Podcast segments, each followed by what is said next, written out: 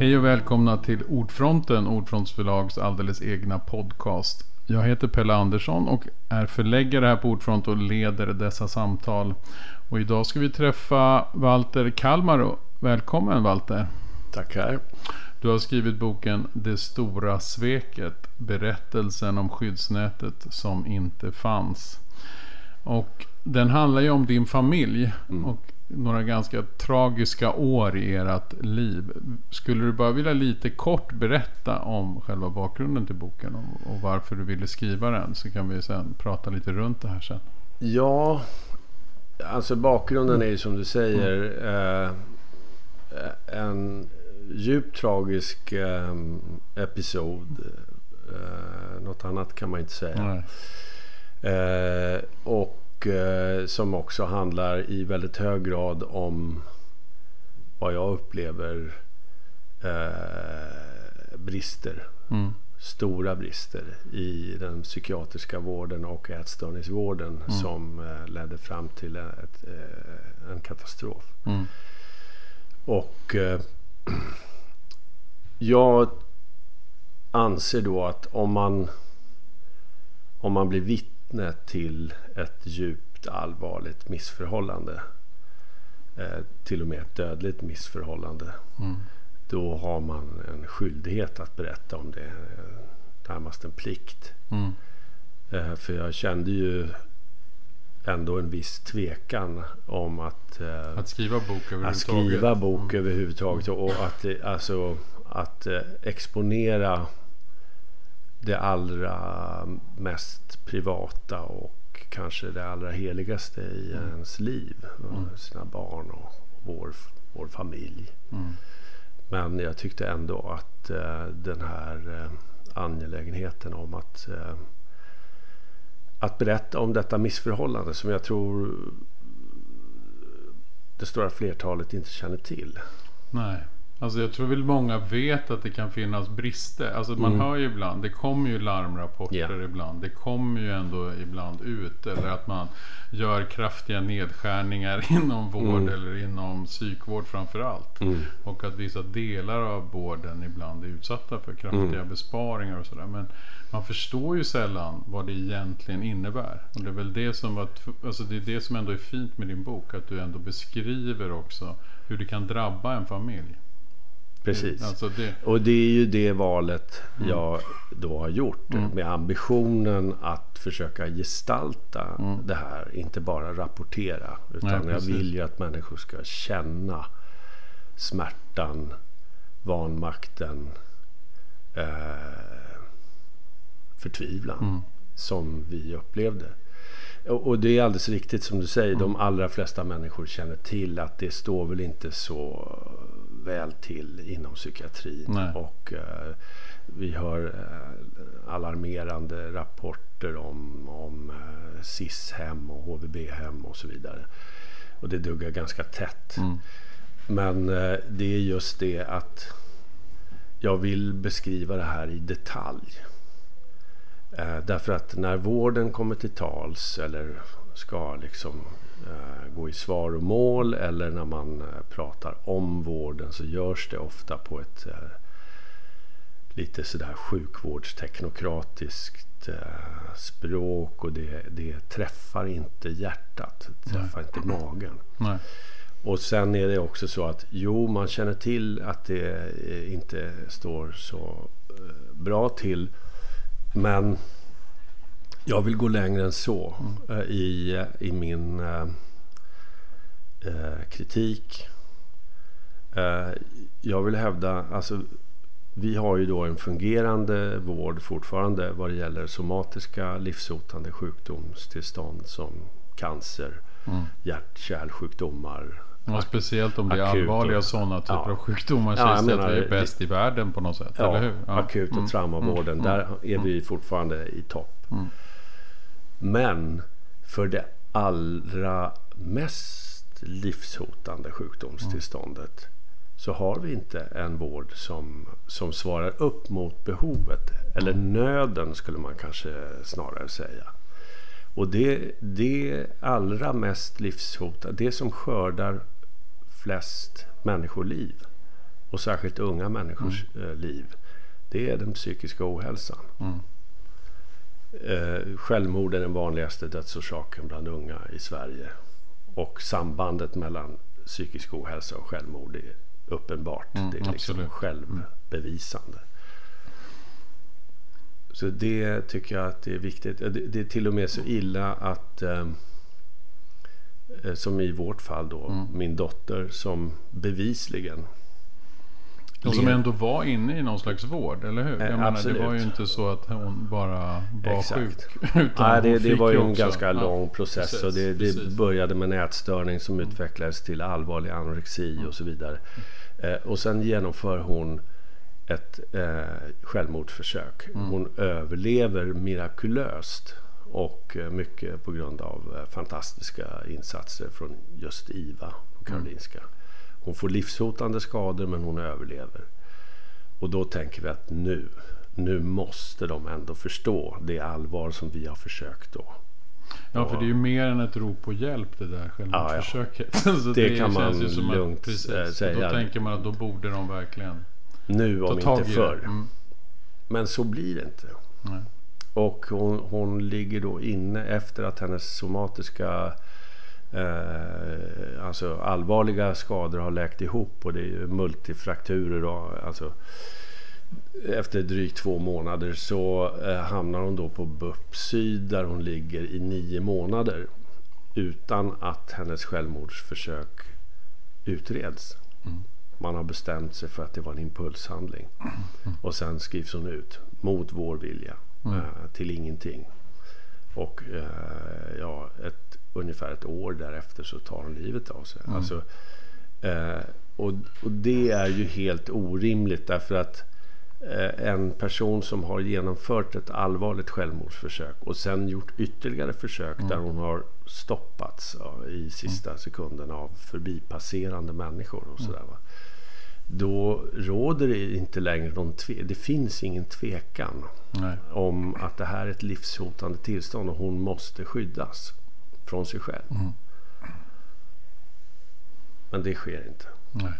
Mm. Och det där är ju sånt som man också faktiskt läser om då och då. Folk som har faktiskt oh ja. sökt hjälp mm. eller vill ha hjälp mm. och som där både anhöriga men även faktiskt den sjuke själv ibland vet om att den ja. är farlig för sig själv eller farlig för andra och ändå mm. inte tas om hand.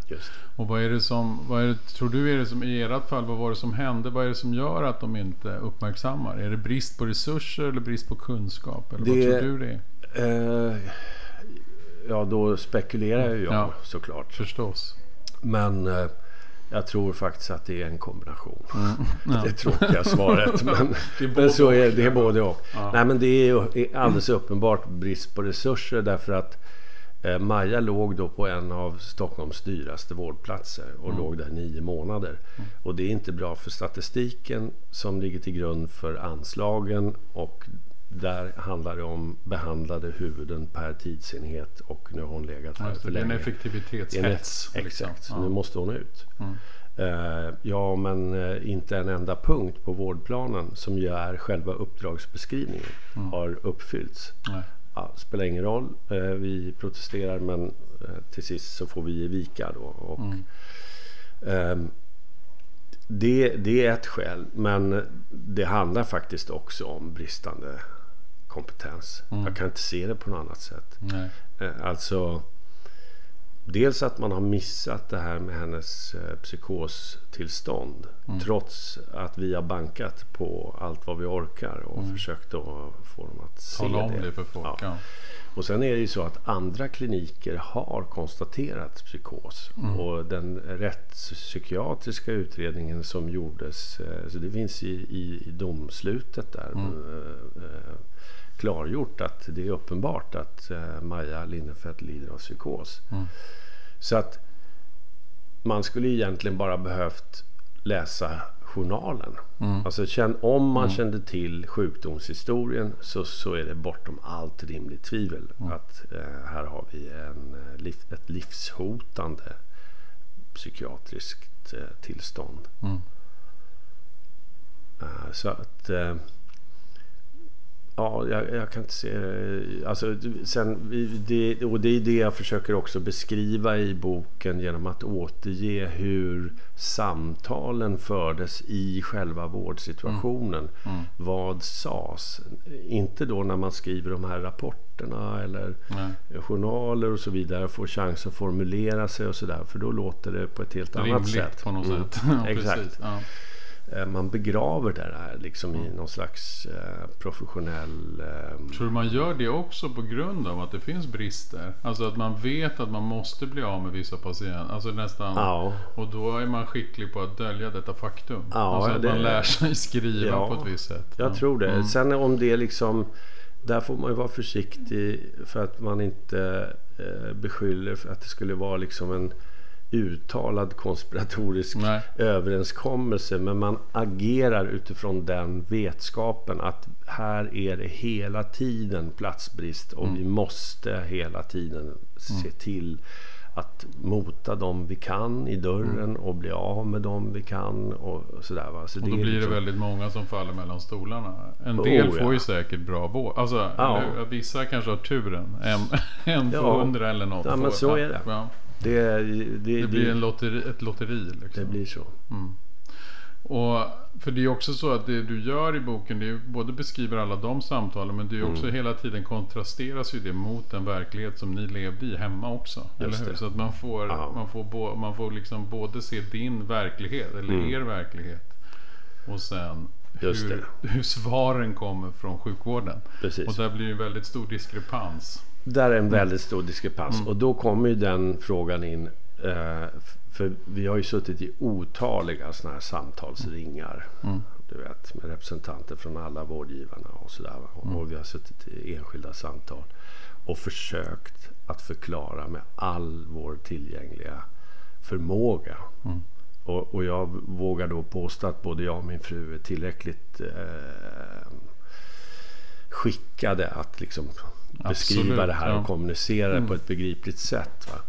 Men vi ser att det inte fäster. Va? Mm. Vi ser och vi förstår på deras respons att de, de lyssnar inte på vad vi Nej. säger. Och, och, det finns så många... Jag menar, eh, det, det är snarare... När, när vi försöker beskriva att Maja, Majas ut alltså extrema eh, raseri och eh, besinningslösa utagerande. Helt gränslöst. Mm. Vi snackar om sönderslagna fönsterrutor och, och sparkade bilrutor inifrån och kastar glas och porslin i väggen och, och hotar att hoppa ut genom mm. fönster och så vidare. Mm. När vi försöker beskriva det och förklara att eh, jo, vi vet att aggressivitet också finns som ett symptom inom eh, ätstörnings och mm. anorexi. Mm. Eh, men vi, vi pratar om en, en extrem eh, ilska eller mm. raseri. Och som eh, är så uppenbart icke viljestyrd. Mm. Eh, Maja kan inte stoppa det här själv. Nej. Hon kan inte stoppa sig själv ens en gång. Och, eh, men vad vi ser från deras sida det är att de tänker eh, att okej, okay, here we go again. Alltså här mm. kommer två bekymrade föräldrar med sin revolterande tonårsdotter mm. som visserligen har en ätstörning men mm. som framför allt uppträder för jävligt. Och mm. Det är bara en stökig unge. Typ. Väldigt ja. stökig tonåring. Mm. Och så har vi två curlande föräldrar som inte förmår sätta ner foten. Mm. För det hör vi på deras respons. Att det är mm. det de liksom begär av oss. Och, och tycker att det får ni göra. Sätt ner foten. Ja. Mm. Och vi försöker då förklara att det som händer när vi sätter ultimativa krav eller villkor, sätter ner foten. Det är just de här totalt besinningslösa raseriutbrotten. Mm. Och hon har redan liksom då försökt hoppa mm. ut genom fönstret. Och, alltså, ja, det kan leda till fler sådana händelser. Ja, det, det säger sig självt. Liksom. Det är inte en framkomlig nej, väg. Nej. Ja. Och, och då, hur, hur, hur tänker man då? Alltså då när du sitter där, när man känner det Blir det bara en uppgivenhet? Eller vad, vad, vad gör man i den där situationen? Hur, hur, hur, ta, ja. hur tar man det? hur, vad vänder man sig? Ja, precis. går man vidare med den här? Ilska. Det måste ju bli en ilska hos er också. Oh ja. Och, eh, ja, det vi gjorde det var ju att vi fortsatte att ligga på. Mm. Eh, jag tror ju att jag jag vet ju att jag satt i telefon varje dag. Mm. Antingen med alla de här berörda instanserna mm. eh, eller med någon av mm. dem. Och eh, beskrev och försökte förklara och försökte förmå dem att agera och sådär. Men och sen lever man ju hela tiden i en slags förhoppning mm. att någonstans längs vägen här så kommer vi till sist att träffa någon mm. som förstår. Någon vettig någon som ser och som vill ta ett ansvar och sådär. Va? Så att det här bara fortsatte. Men sen ska man ju också eh, veta det och det beskriver jag ju också mm. i boken att det här förloppet gick ju med en rasande fart. Mm. Precis. Så, så, så, det hände så mycket parallellt så det, det var vi hade ju jämnt skägg med att liksom eh, dels försöka förstå, dels att försöka finnas där med skyddsnätet. Dels försöka hitta ett sätt att agera i vårt hem och, mm. och sådär som ändå gjorde det någorlunda hanterbart mm. eller rimligt. Mm. Eh, ja, så, så var det. Och, men, men, men, hur lång tid har det tagit för dig sen att liksom få smälta det här och tänka att ja, men jag kan ändå skriva om det och sen. Vad, vad är det du mm. vill uppnå sen med boken? Varför, varför vill du beskriva det här? Det jo, ändå, mm. det, det, är en bra fråga för att jag eh, inledningsvis så kände jag då efter att allt var så att säga allt hade förbi. Gått åt helvete och det hade gått ja, så långt ja. åt helvete det kan gå. Mm. Eh, och, och hela livet är förrött. Då, då kände jag ändå ett behov av att nedteckna det här mm. händelseförloppet. Så, för annars är det lätt att det bara i efterhand så, så smälter det bara ihop till en svart sörja av ångest, oro och allt det här som mm. utspelar sig dagligen under fyra och ett halvt års tid. Precis. Och så glömmer man bort själv eh, hur, hur den här nedbrytningsprocessen gick till. Alltså hur vi successivt förlorade tilltron till oss själva och, och vår förmåga som föräldrar och även också förlorade tilltron till eh, de vårdgivande Ja, det är det man tänker man skulle hamna i. Alltså att man tror att man själv också är galen. Ja. Man aldrig får någon rimlig respons på sin egen, ja. på sin egen vad ska man säga, både aggression men också sorg och bedrövelse. Ja, Eller hur? Att det är verkligen ja. så. Mm. Alltså att det, det eh, men, då, men skrev du då också under tiden? Nej, det, det gjorde jag inte. Det var precis efter? Ja. Men det var ganska mm. Mm. snart efter. Och men då märkte jag ju ganska snart att äh, men jag måste ju välja nu om jag skriver det här med ambitionen eller avsikten att det ska kunna läsas av någon mm. och få något slags allmänintresse. Mm. För då skriver man på ett helt annat sätt mm. än om man bara försöker redogöra för, för ett förlopp. Ja. Mm. Och, och, och, så, så blev det då. Mm. Och eh, eh, ja, jag, jag kan ju då konstatera att alltså, jag vet ju att jag har ett gott minne. Mm. Alltså eh, både visuellt och jag, jag kommer ihåg vad som sades och hur mm. det såg ut. Och, mm. och sen är vi ju två för min fru är involverad mm, också och har bra koll på mm. allting. Och sen hade vi ju också vi hade ju brev och mejl, korrespondens och eh, vård. journalanteckningar i alla fall. Det kan ju ändå Oh ja, hade fräscha upp minnet liksom. Ja, precis. Mm, mm. Så att eh, så var det. Och hur mycket i den här boken tänker du det är att ett sätt att beskriva en situation för att få andra att reagera och för att förändra vårdapparaten? Och hur mycket är det också vill du att det ska vara en tröst och en, en, en någon slags mm. värld att få gå in i om man själv har liknande problem? Det behöver inte ha gått så långt. Men... Precis. Ja, men jag skulle nog vilja säga att det finns de två mm. eh, motiven. Eh, att eh, dels att försöka, för det är vad som återstår för mig och mm. för min fru. Att försöka uh, åstadkomma någon debatt som kan leda till förändring. Mm. Men också för de som befinner sig i en sån förtvivlad och desperat vanmakt som mm. vi gjorde. Att de för jag vet ju själv att jag sökte ju efter mm. varje halmstrå jag kunde hitta. Liksom. Eh, men det finns ju också... Eh, eh jag, och, och, jag tycker då att, och det kan vi ju konstatera att eh, jag tycker det här är ett väldigt bra exempel på boken mm. som plattform mm. för att mm. åstadkomma en debatt. Mm. I, särskilt i vår tid nu när man liksom har så stor tilltro till digitala kanaler och det har liksom på något sätt. Men att det har vi ju nu kunnat konstatera att det här har ju verkligen eh, det överträffar i alla fall mina mm. Eh, förväntningar. Absolut. Eh, vad det gäller eh, genomslag mm. och, och, respons mm. ifrån mm. media och från politiken och från alla möjliga håll. Alltså. Absolut. Så det är ju lite intressant. Men det blir ju också så när man... Det är ju väldigt få andra format för att beskriva en sån här in, komplicerad, invecklad, utdragen liksom process. Mm. Så hur skulle det annars skildras? Alltså det är klart du Precis. kan göra om det här kanske till någon slags tv-film eller dramatik, mm. åtta delar. Men det är ju ändå väldigt, väldigt kort. Mm. Om man jämför med vad, vad man kan göra i en bok. Faktiskt. Precis. Mm. Så jag tror att boken faller sig väl där. Eller mm. det, det mest passande ja. formatet för att diskutera svåra invecklade frågor mm. faktiskt. Mm. Verkligen. Men jag tror också att man kan finna stark tröst i, i den här boken. Även om den är så mörk. För det, det, är ändå så att man, ni kommer ju ändå ut på andra mm. sidan. Och du mm. har skrivit boken. Mm. Det, är, det är ju en tröst bara i sig. Att det finns en verklighet på andra sidan på något sätt.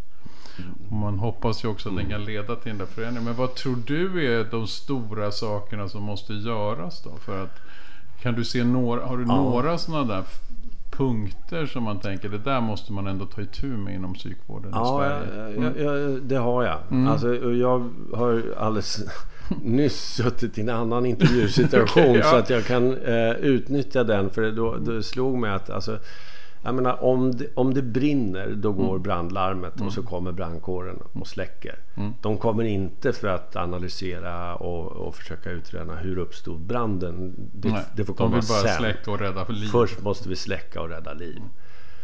Om man håller fast vid den analogin och då så kan man ju säga att den här extrema och den här extremt mörka självmordsstatistiken som vi har i mm. Sverige som den vanligaste dödsorsaken bland unga. Mm.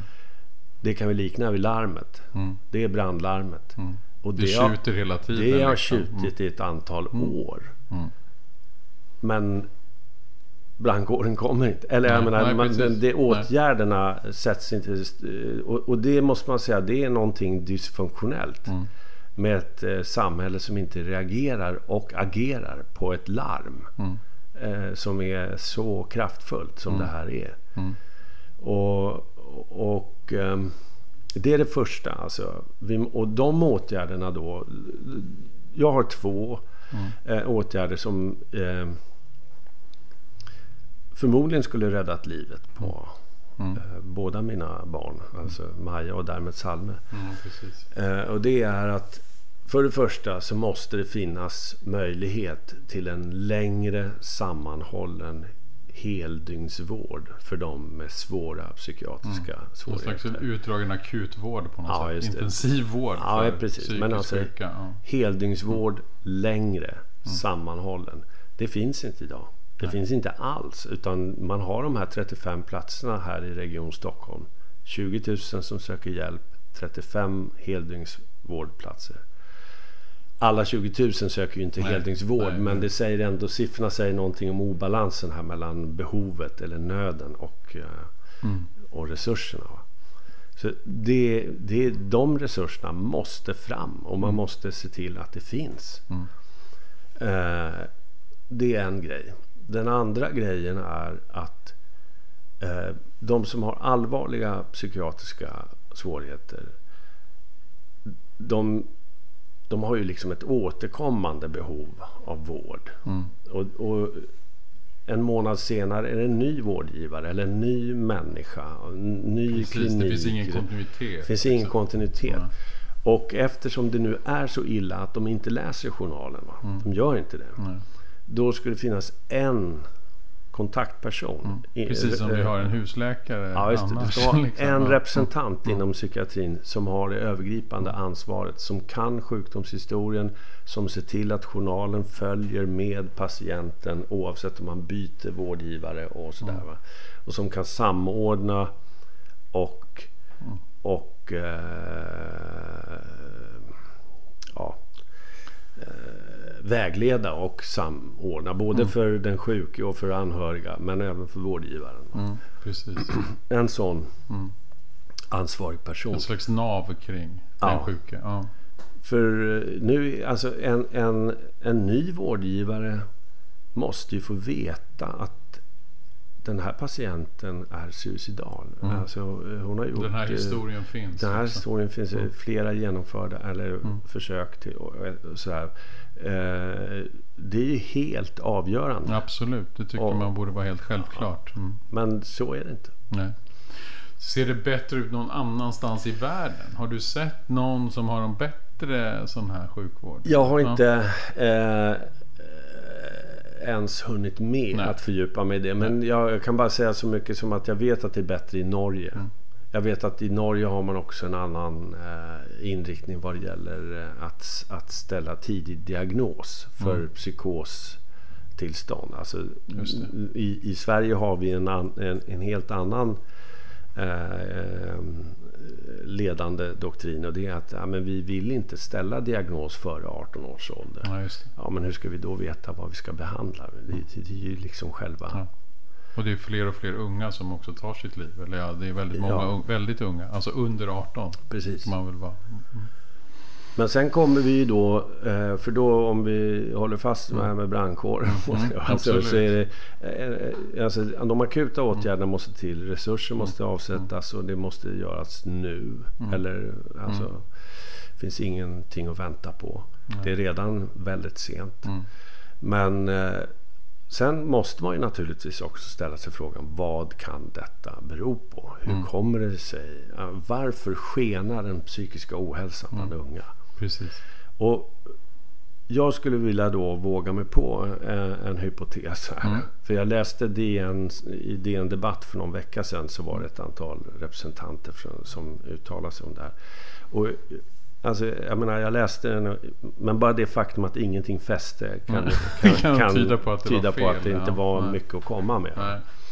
För om unga människor inte ser någon annan utväg än att ta sig själv ur eh, existensen. Mm.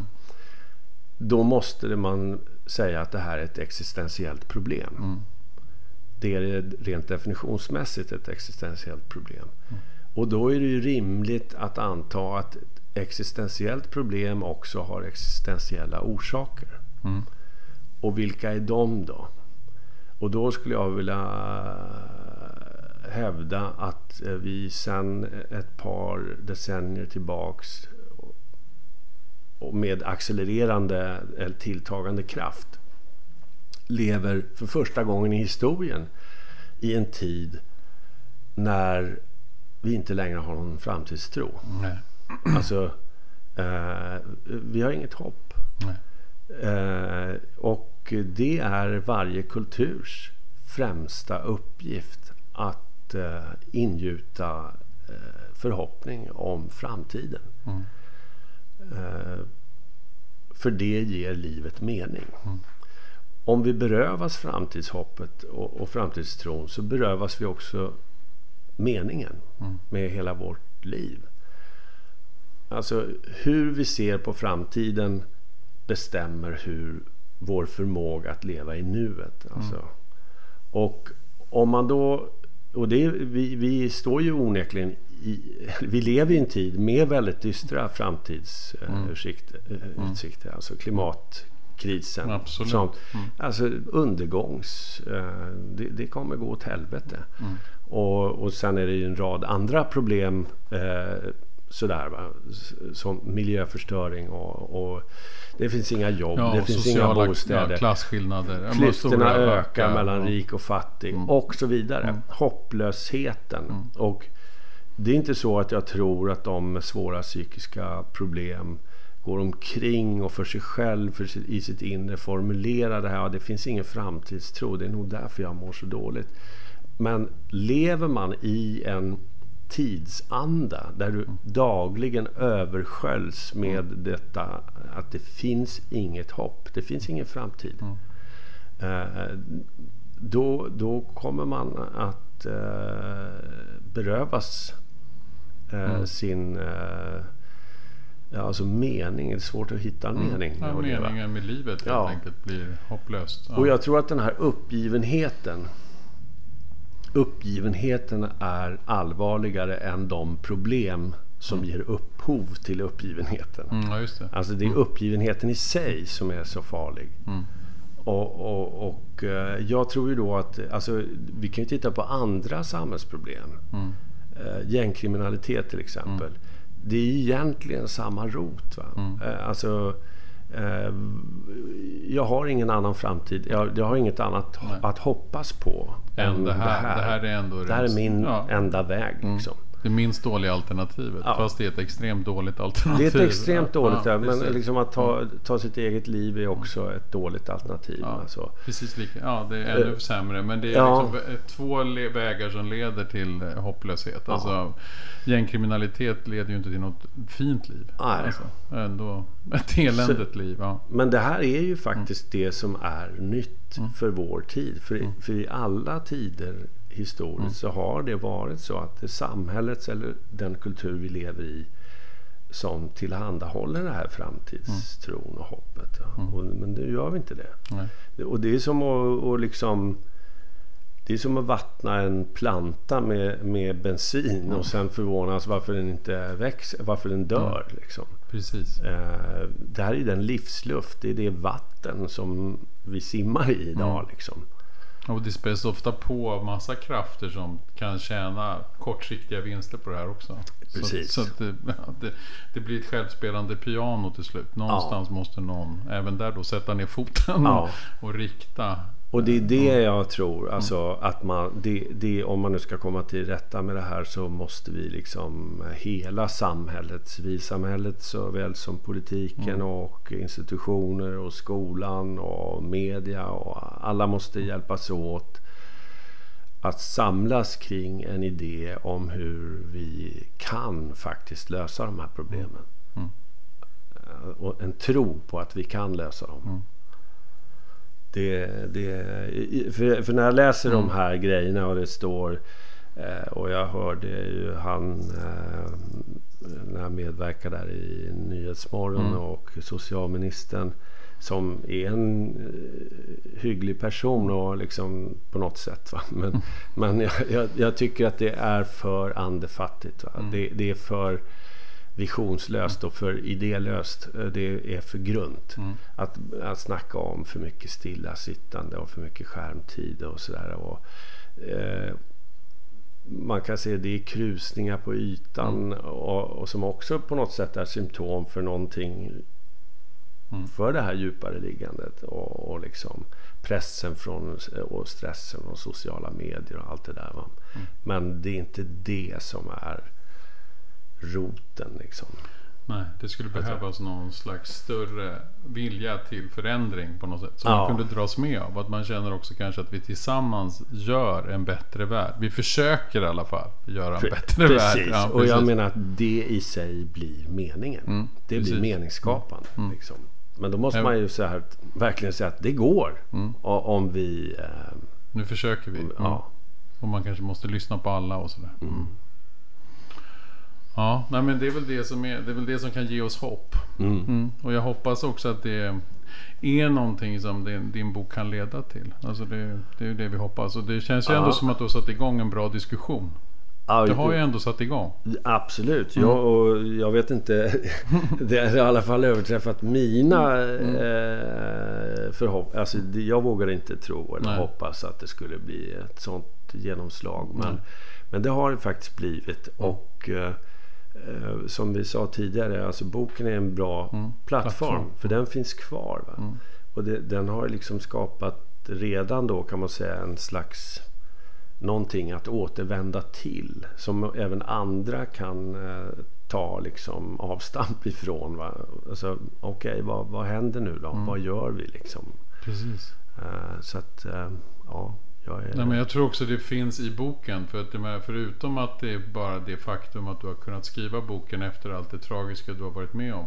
Så finns det ju också någon slags tro i din bok. Eller vad ska mm. man säga? En, en idé om att det finns något helande. Någonting, någonting ja. större än bara det här vanliga gråa vardagen. Som ändå ger ett visst hopp också faktiskt. Mm. Så är det ju. Mm. Och, utan att eh, liksom sticka iväg eh, i allt för långt i några andliga eh, expeditioner eller mm. utvikningar. Så vill jag ändå säga att det är just det där att eh, vi behöver i alla fall umgås och bearbeta de här djupare liggande existentiella frågorna. Liksom.